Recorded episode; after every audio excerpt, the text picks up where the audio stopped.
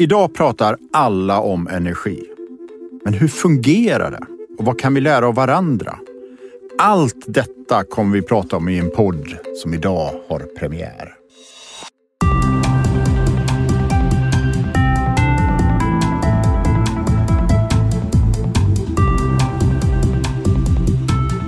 Varmt välkommen till Futura-podden. En podd som Stella Futura står bakom. Vi påskyndar den gröna omställningen genom energilösningar som bygger på batterisystem. Vi tror på kunskap och att dela den med varandra. Därför har vi skapat denna podd. Vi kommer att prata energi och omställning och vi kommer att göra det med intressanta och spännande gäster. Vi som kommer att finnas med er här är jag, Ulrika Tornerefelt, som är VD och grundare för Stella Futura. Och jag, Per Slingman, som är författare, rådgivare och har den stora äran att få leda denna podd tillsammans med dig Ulrika. Vi kommer ju som sagt framöver att bjuda in gäster, eh, men vi tänkte börja med eh, tre kan man säga introducerande avsnitt som kanske ger en introduktion till energimarknaden. Mm. Men också till Stella Futuras värld och även till dig tänkte jag. Så jag tänkte att vi börjar. Härligt!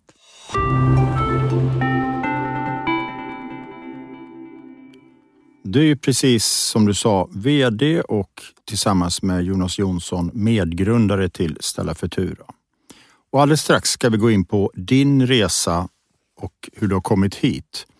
Men först ska vi ge lyssnarna lite kontext. Vad är Stella Futura? En fråga som jag brukar få är namnet Stella Futura. Det är latin och betyder framtidens stjärna. Och den stora bilden är egentligen att vi har en värld att ta hand om och det ska vi göra med framtidens stjärnor. Och eftersom jag är ingenjör och världen är uppbyggd, i alla fall den största delen av världen är uppbyggd på el och elinfrastruktur, så har vi börjat där. Mm, eh, inom ramen för el och elinfrastruktur gör då Stella Futura? Vi accelererar den gröna omställningen brukar vi säga. Eh, I takt med att vi får in allt mer vind och sol och förnyelsebar energi, tack och lov i våra energisystem, så ställer det helt nya krav på hur vi bygger energiinfrastrukturen. Och vi har valt att jobba jättemycket med energilagring som är den heliga graalen för att riktigt kunna utnyttja förnyelsebar energi i energisystemet. Mm, lagrar energi ja. i, stora, stora, i batterisystem. Ja, man kan ju lagra energi på många olika sätt. Och all typ av energilagring behövs. Men vi fokuserar på batterier. Mm. Och jobbar i Sverige i huvudsak? Ja, batteriarbetet utförs i Sverige. Mm. Säger jag som en cliffhanger. Ja, men då precis. undrar man. Då undrar man. Men, men eh, kan du eh, ge några exempel på eh, projekt som ni driver i Sverige? Ja, vi vänder oss främst mot svensk industri. Så vi har integrerat batterier i ett vattenkraftverk uppe i Jämtland. Mm. För att helt enkelt hjälpa det vattenkraftverket att bli mer effektivt. Vi har installerat eh, ett batteri i en sopsug i Hammarby sjöstad. Så det är en liten annan karaktär mm. av projekt men samma idé, helt enkelt att hjälpa sopsugen att bli mer energieffektiv genom att kapa effekttoppar. Eh, men vi har också installerat batterier i bostadsrättsföreningar för att de har ofta sol på taket och då vill de kunna nyttja sin förnyelsebara energi bättre. Mm. Och eh, hur många skulle säga, installationer man pratar om, eller projekt driver i Sverige? 80 stycken. Mm, hittills. Mm. Mm, både små och stora. Ja, precis. Alltså batterierna som sådana kan vara från ett kylskåps storlek till en stor container. Mm. För att också tydliggöra det så jobbar ju Stella Futura både med, som du säger, med energilösningar och energilagring och batterisystem, men också med smarta finansiella lösningar för att få ja. detta till stånd, eller hur? Precis, för att Sverige har ju i 40-50 år haft ett elsystem som alltid har funkat. Eh, och helt plötsligt, inte helt plötsligt kanske, men de senaste decennierna så har vi börjat inse att det kanske inte är lika väl anpassat till hur Sverige fungerar idag. Och det innebär ju att vi som alltid har tagit elen för givet, vi har liksom tvingats in i att förstå hur det här funkar. Och det har också lett till att man som en vanlig industri eller verksamhet har börjat fundera på hur behöver jag investera i min egen energiinfrastruktur eftersom den infrastruktur jag förlitat mig på hittills kanske inte är helt optimal. Och i tillägg till det så är ju inte detta alltför billiga eh, förändringar man måste göra. Så att vi har tittat väldigt mycket på hur vi kan hjälpa svensk industri finansiellt att energieffektivisera. Batterier är ju dyrt. Men om man kan erbjuda dem i leasinglösningar eller as a service, precis som att företag leasar ju sina företagsbilar. Det är ju inget man vill köpa och ha på balansräkningen. Så ska man kunna göra samma sak med batterier tycker vi. För att kunna utnyttja grön energi bättre. Mm. Ställa Futura finns ju inte bara i Sverige utan ni har ju också verksamhet utanför Sverige. Precis, och det var där allting började. Jag jobbade på ett väldigt RD-intensivt bolag. RD, alltså forskning och ja, utveckling? Ja, precis. Mm. Research and development, forskning och utveckling. Um, och jag såg hur ganska mycket kapital pumpades in i spekulativ teknik som kanske skulle funka någon gång i framtiden eller inte. Samtidigt så såg jag hur mycket briljanta ingenjörer jag hade runt omkring mig som kunde otroligt mycket. Och det finns ju redan idag bra grön teknik som vi behöver få ut på marknaden så fort som möjligt. Eh, sol är ju ett exempel. En väldigt fin källa till energi. Så jag satt hemma vid köksbordet 2016 och funderade över hur skulle jag med min kunskap kunna vara behjälplig här i världen?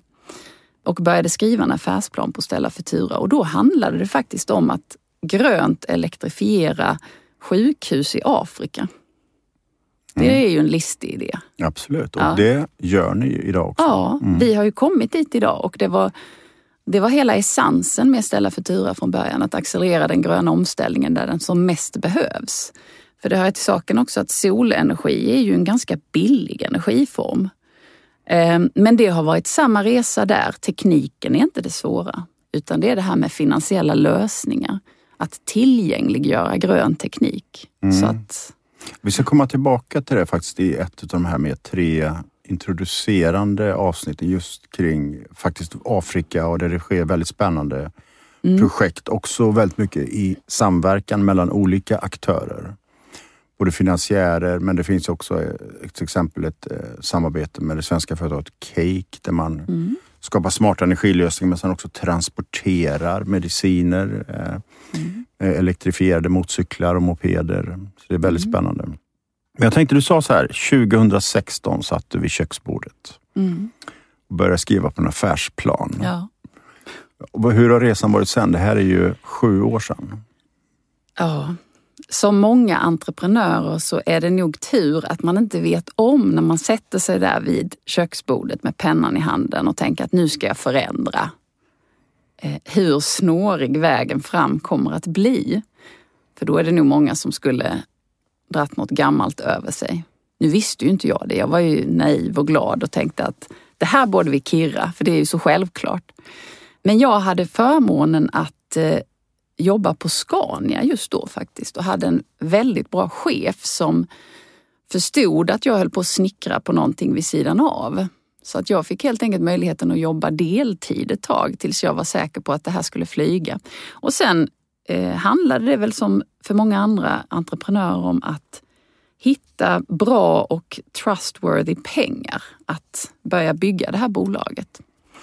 Um, Hur hittade du pengar? Då? Ja, då kom vi i kontakt med Swed Partnership och hade turen där också att träffa väldigt engagerade och bra människor. Så då fick vi en slant helt enkelt för att göra viss kunskapsöverföring till vårt gäng i Ghana. Ert gäng, då hade ni ett gäng i Ghana? Ja, jag hade på ett tidigare jobb träffat två väldigt eh, smarta och reko killar som eh, var från Ghana men som hade utbildat sig dels till ingenjör och finansman och också hade ett stort patos att de ville göra någonting för sin, sitt närområde. Um, och de var i Sverige och scoutade efter mulltoor. Mm. Och då träffade jag dem. Det, det är självklart. Ja, mm. eh, för de som inte vet så är Sverige väldigt mm. bra på mulltoor. Eh, och det ena ledde till det andra. Då pratade vi naturligtvis om solpaneler mm. också när vi pratade multiår. Men sen växte det fram en relation i att vi hade samma drivkraft, att vi ville göra något bra, förändra något med den kunskapen vi hade. Eh, och då var solelektrifiering ganska självklart. Mm. Och sen hade de kontakter in i olika organisationer i Ghana som bedriver eh, hälsovårdstjänster. Det gör ju ofta kyrkor och liknande. Vad var det första projektet ni gjorde i Ghana? Eh, det var ett projekt som vi betalade själva och då installerade vi sol och ett litet batteri på en intensivvårdsavdelning för barn mm. i Ghana. Om vi snabbspolar lite grann. Ja. Vad blev sen, hur började ni jobba i Sverige sen? Vad, vad var steget där? Det var eh, en hel del tillfälligheter. Vi byggde ju ett team av väldigt duktiga ingenjörer som förstod hur man bygger integrerade energisystem med förnyelsebar teknik.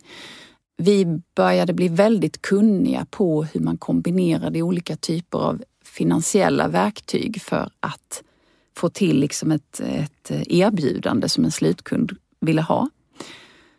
Och precis i samband med detta, 2019, 2020, då började vi ju se de mest radikala förändringarna på den svenska energimarknaden. Vi har ju haft vind och sol som har kommit in i, i Sverige också men det började ju märkas lite utmaningar då. Så tajmingen att också börja bygga ett, ett lag i Sverige var ganska perfekt. Och jag hade ju kontakter från tidigare jobb med väldigt duktiga ingenjörer. Så det var ett beslut vi tog att Nej men för tusan, eh, nu har vi liksom börjat bygga här i Ghana och det är ju egentligen samma sak vi vill göra i Sverige. Fast såklart elinfrastrukturen ser lite annorlunda ut och de finansiella förutsättningarna ser lite annorlunda ut. Men det är ju egentligen samma sak vi vill göra. Så det följde ganska naturligt på varandra. Mm. Skillnaden är ju att det är väldigt mycket solinstallationsfokus i Afrika och finansiering och ägande av den typen av installationer. Medan vi i Sverige bara jobbar med batterier och hellre samarbetar då med solinstallatörer. Idag är då, om man bara tar företaget då, ett eh, etablerat företag som tar väldigt stora ordrar. Jag har ju förmånen också att, vara, att jobba med er och vara mm. rådgivare eh, och som växer med väldigt positiva framtidsutsikter. Mm. Vad är din ambition?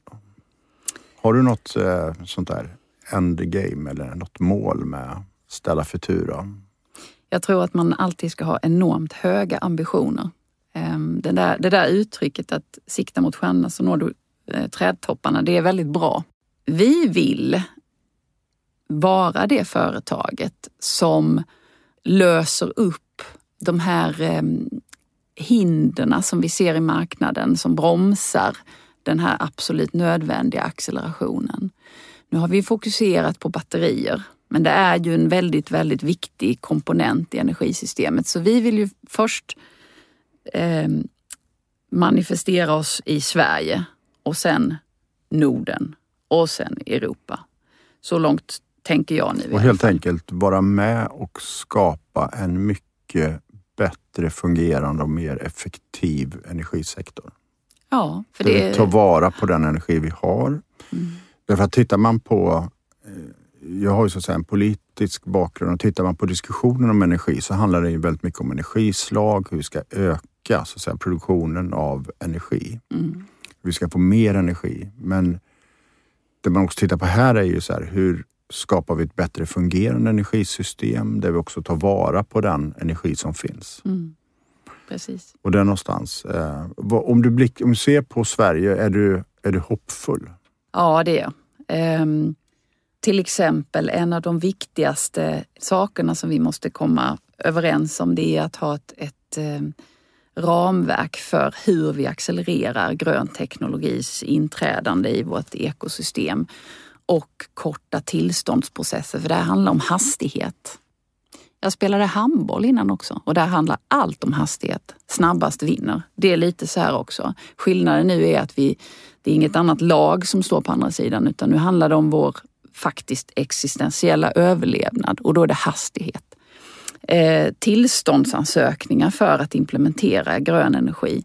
Nu 9 oktober så fick vi väldigt positiva besked från EU till exempel att de tittar på korta tillståndsprocesser och en hel del annat som är enormt kritiskt. Och hela vårt energisystem sitter ihop i EU.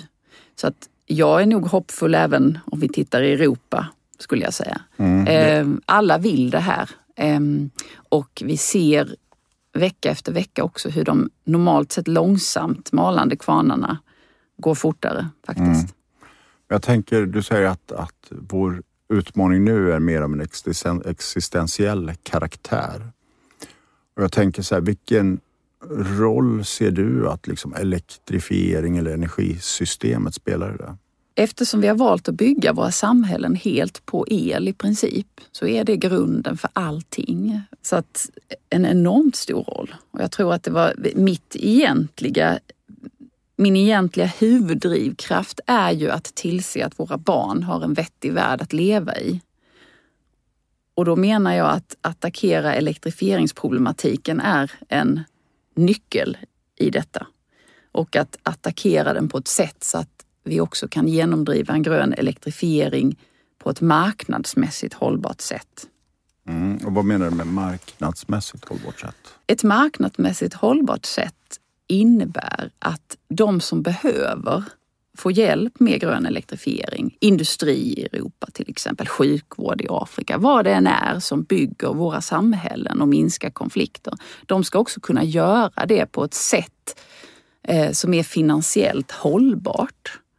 Och det, då blir det marknadsmässigt. Vi jobbar ju mycket i Afrika till exempel. Vi kan ju inte bygga eh, ekonomiska strukturer kring hållbarhet där som är baserade på bistånd till exempel. Det är inte marknadsmässigt hållbart. Mm, ja, men jag förstår, du menar egentligen att ett, ett lösningar som också främjar en, liksom en, en marknadsmässig hållbar utveckling. Eh, men jag tänker också att det finns en annan sida av det här myntet lite grann och det är att man brukar ibland prata om i en marknadsekonomi finns det marknadsmisslyckanden. Mm. Och ett sånt kan man väl eh, konstatera att det som har varit gratis tenderar vi att överanvända. Luft, vatten och så vidare. Och det är där någonstans vi står idag.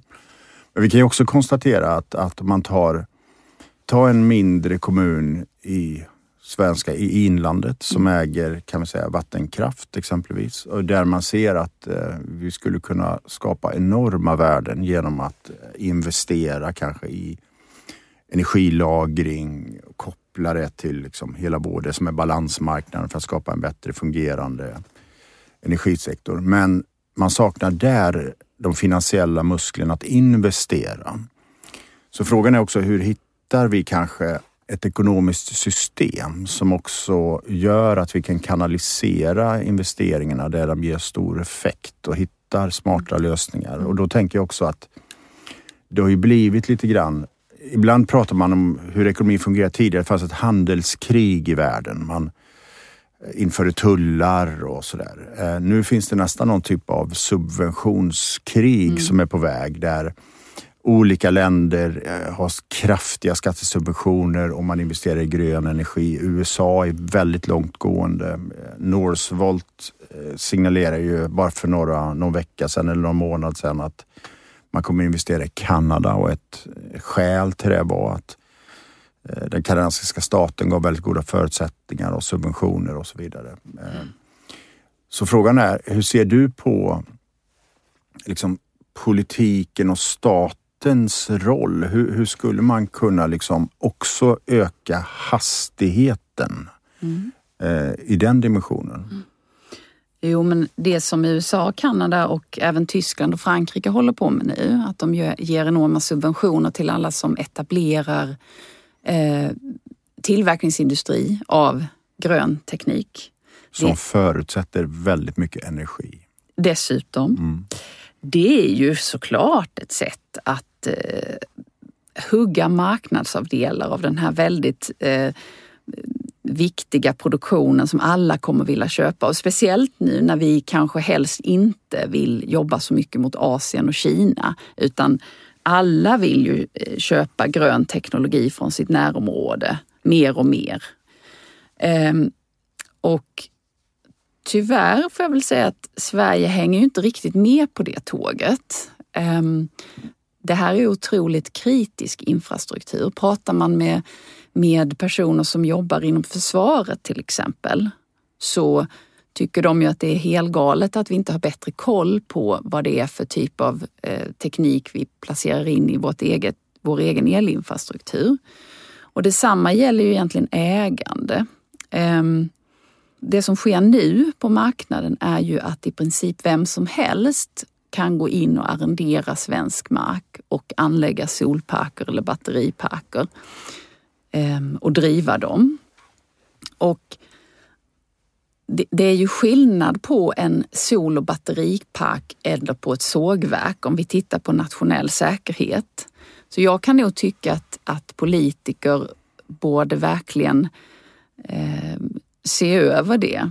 Att, vad, vad, är det för typ av eh, verksamheter som borde ägas nationellt och, och vad ska kunna ägas av liksom den öppna marknaden? För det är klart att vi ska ha, vi har ju en, en eh, öppen marknad i EU också. Så att, men...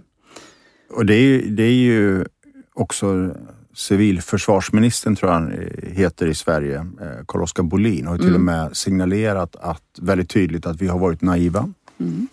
Och att ägande också är en del av säkerhetspolitiken. Men vad du säger egentligen är att, att politiken och de offentliga strukturerna, kanske både Sverige och EU, borde flytta fram sina positioner och vara mer progressiva och mer aktiva. Ja.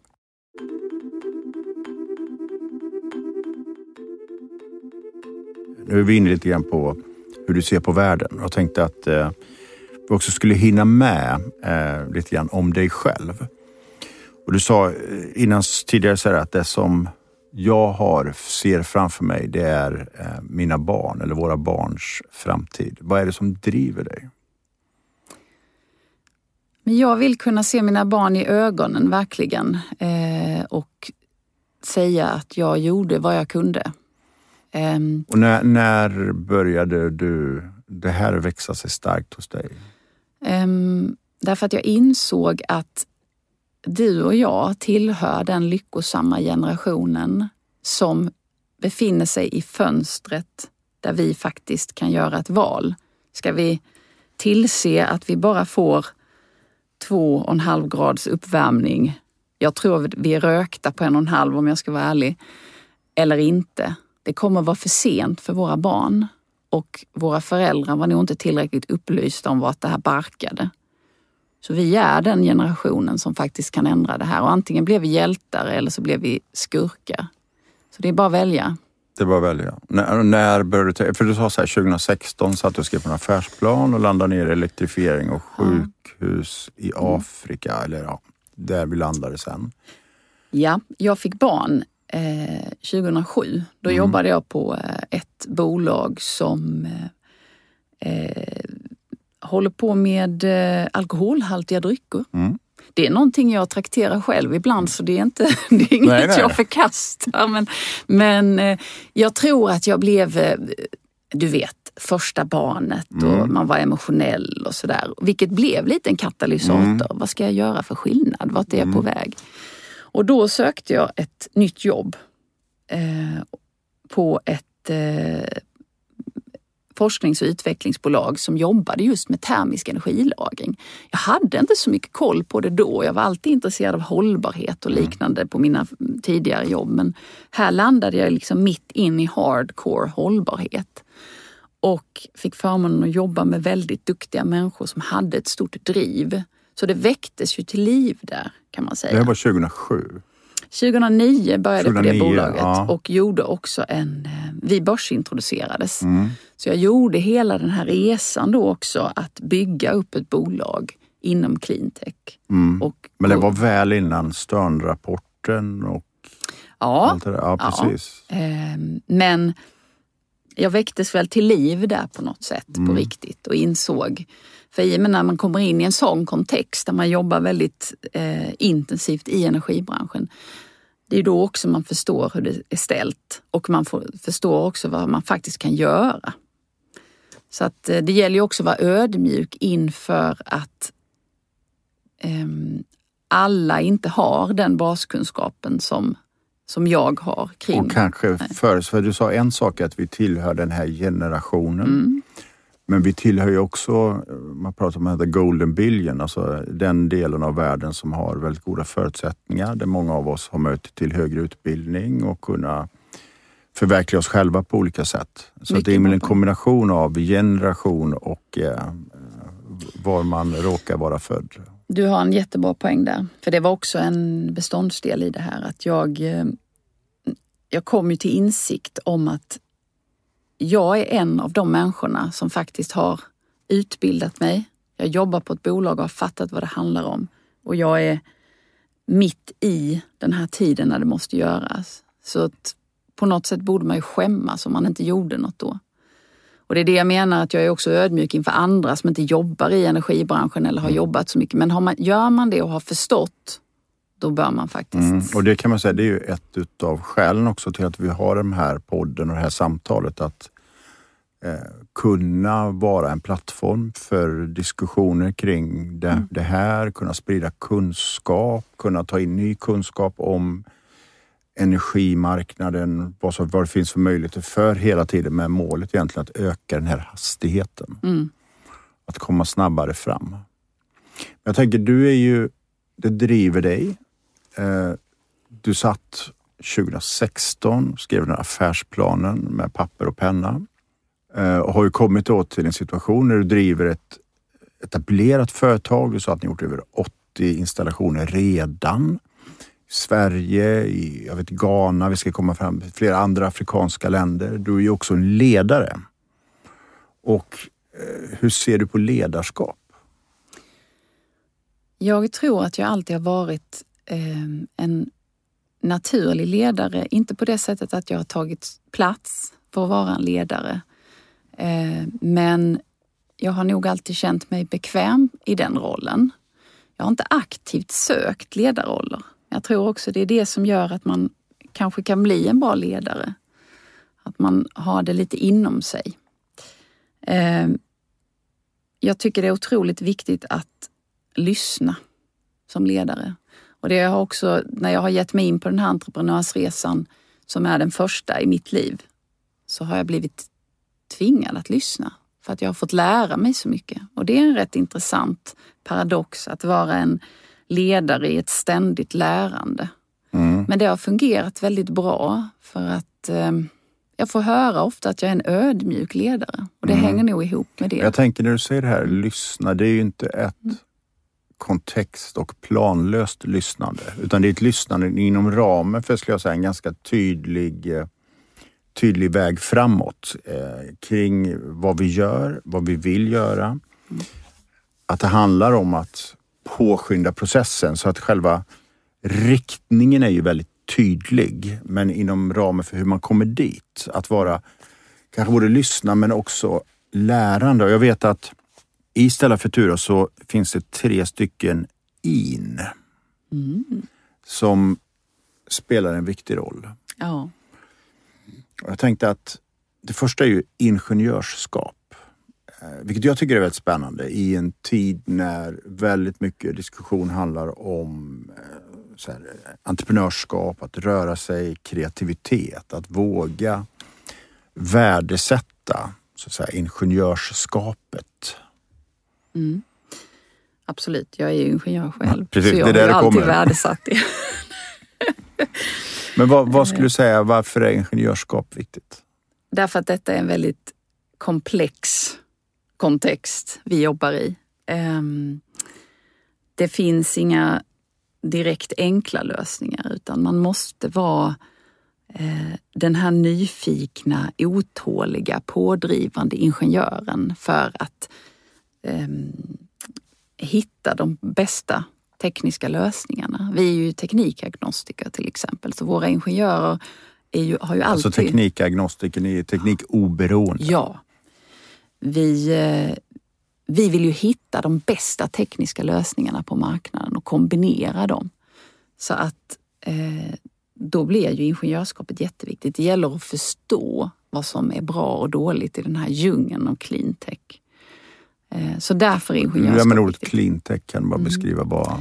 Ja, grön teknologi skulle mm. jag vilja säga. Alltså allting som man integrerar i, i gröna system som är mm.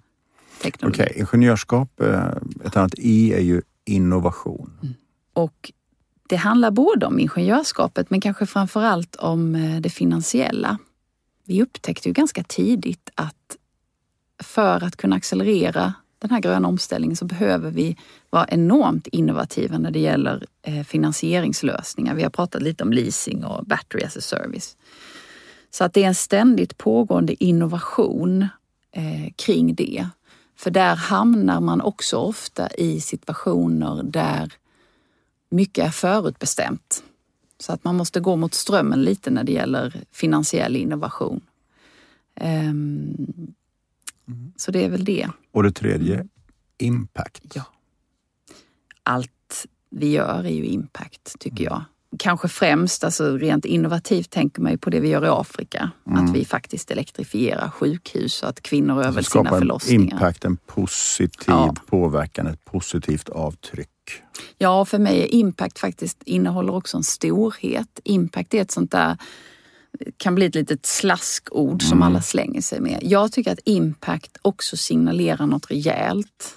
Att elektrifiera eh, sjukhus i Afrika där kvinnor är uppe på taken och får jobb och sätter upp solpaneler så att eh, kvinnor och barn överlever sina födslar och förlossningar. Det är rejäl impact. Det är impact. Då tycker jag att man kan säga att man håller på med impact.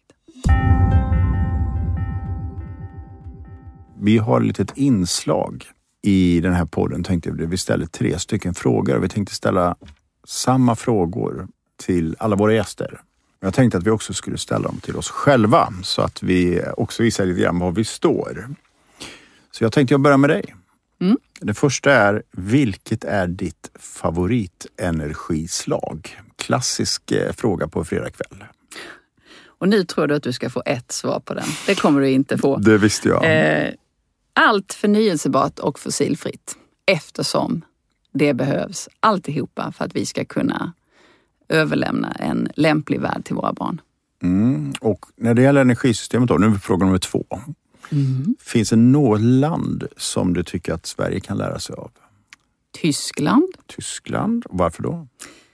Eh, de har mycket innovativa incitament för bolag som oss som jag gärna skulle vilja importera till Sverige. Och då är det inte för att du talar i ert egenintresse utan att det skulle kunna påskynda Absolut. hela utvecklingen och i hela branschen så att säga? Ja, jag kan ge ett konkret exempel om det intresserar. Ja, ja, ja. absolut.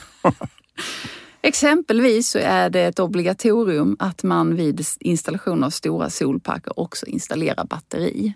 Mm. Visst, det är ju jättefiffigt för Ställa Futura om det blir ett obligatorium för då kan vi installera fler batterilager. Men eh, det är större än så. Det handlar ju helt enkelt om att man ska få ut mycket, mycket mer per installerad kilowattimme sol och därmed effektivisera och också accelerera omställningen. Och den tredje sista frågan som då är lite mer göteborgsk till sin karaktär. Vad får dig att känna dig energisk? Körsång. Körsång. Tydligt. Ja. Det behöver vi inte ställa några följdfrågor på. Nej, jag tycker, inte, jag tycker det är ett helt rimligt mm. svar. Och då har jag ju nöjet att ställa samma frågor till dig här. Precis. Så Per, vilket är ditt favoritenergislag? Mm, ja, men det är intressant att ställa sig de här frågorna eftersom jag inte på samma sätt som du gör eh, till dagligdags arbetar i energimarknaden. Eh, men jag skulle säga, jag satt, jag satt och funderade på det ganska länge faktiskt. Eh, det, är en, det är en fråga som man vanligtvis inte ställer sig. Jag tror det är en fråga som väldigt få svenskar har ställt sig. Men jag tror nog att faktiskt är det den energin som vi inte använder. För jag tycker att det har varit sån otrolig fokus på att öka eh, användningen av energi. Sen är jag ju också väldigt engagerad och positiv till hela den gröna omställningen och väldigt mycket av det vi kallar för substitution, alltså att ersätta produktion med och göra det på ett fossilfritt sätt, exempelvis när det gäller grönt stål eller cement eller vad det kan vara, kräver ju väldigt mycket energi. Men det finns också en enorm kraft när vi fokuserar vår innovation på att faktiskt använda mindre energi som privatpersoner och i företag Så att det är också någonting så otroligt intressant tycker jag när energipriserna går upp och när man helt plötsligt så inser man att den här gamla Vattenfall-reklamen, det, fanns det är bara två hål i väggen. Mm. Att det är inte bara två hål i väggen längre. Och det är inte så att du kan förvänta dig och tro att det kommer alltid vara billig grön energi i Sverige. Mm. Helt plötsligt så måste vi tänka på ett annat sätt. Eh, och sen så tycker jag väldigt mycket om energi som bygger, ja men sol, vatten som bygger på så att säga, vi tar vara på de eh, liksom värden vi har. Eh, det tycker jag väldigt mycket om. Och sen, sen är väl svaret som du, liksom det som är fossilfritt och förnyelsebart. Men, men jag tror man ska lägga till det och jag tycker att det är för lite fokus på hur vi kan liksom effektivisera och spara energi. Mycket smart svar.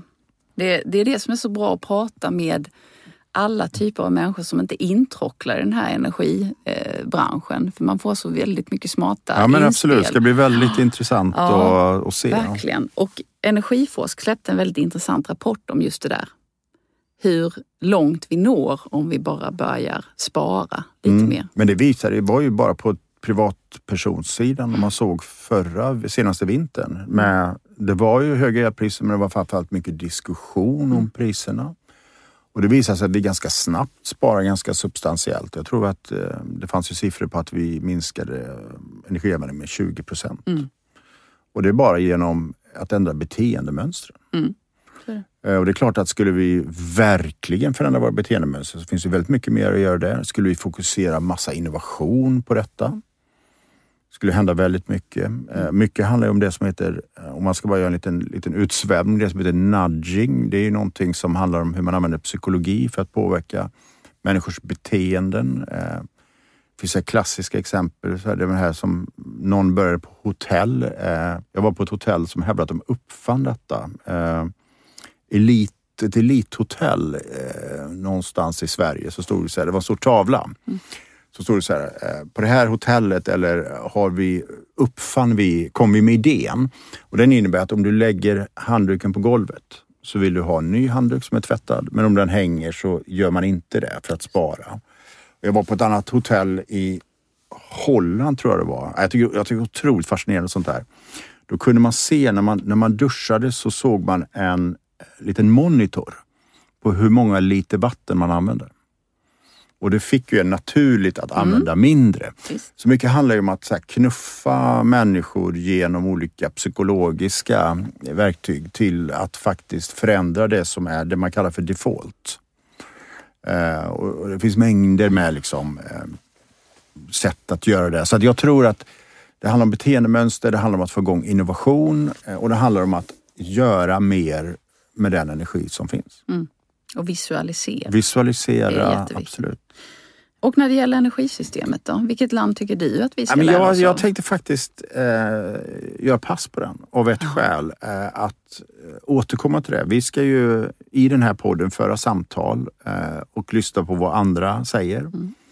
Så jag tänkte tillämpa den här ödmjukheten du pratade om tidigare även här och säga att jag har inte kunskap nog att spekulativt kunna eh, säga någonting här. Men däremot så, så tycker jag att det finns ett mod i länder som exempelvis faktiskt eh, vågar tillämpa havsbaserad vindkraft mm. och så här. Och det är väldigt tydligt att nu är ju Sverige, det har skett en enorm omsvängning i synen på energislag. Och framförallt det som på relativt kort sikt kan ge någon effekt. Eh, och det är ju framförallt i Sverige vind som är väldigt mm. tydligt omslag. Mm. Klokt svar också.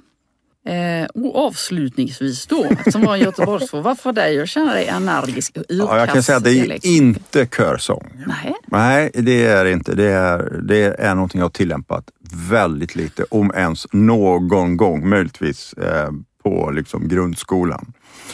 Ja, men jag, jag, det är väldigt mycket möten med andra människor eh, och diskutera och samtala med andra människor. Jag tycker att det är väldigt roligt. Ehm, eh, och det har jag på något sätt alltid gjort. Hittat andra människor att diskutera med. att man skickar, liksom, man hittar roliga artiklar och skickar länkar till varandra och sådär. Någonstans, det skapar eh, energi, det är liksom någonstans med så kunskapsutveckling. Man staplar saker och ting på varandra och man liksom ger... Det finns ett amerikanskt begrepp som heter så connecting the dots, så att man ser hur saker och ting hänger ihop. Och, och någonstans är det väl det som är kreativitet, att, att ta helt kända ting och koppla ihop till någonting nytt. Mm. Eh, och i de stunder, det blir ganska få, när man känner att man är med och liksom hittar de här liksom punkterna, när man kopplar ihop någonting. Eh, då känner man väldigt mycket energi. Det är väldigt mm. roligt. Mm. Bra, jag tycker att eh, vi låter detta sätta punkt för denna gången. Tack.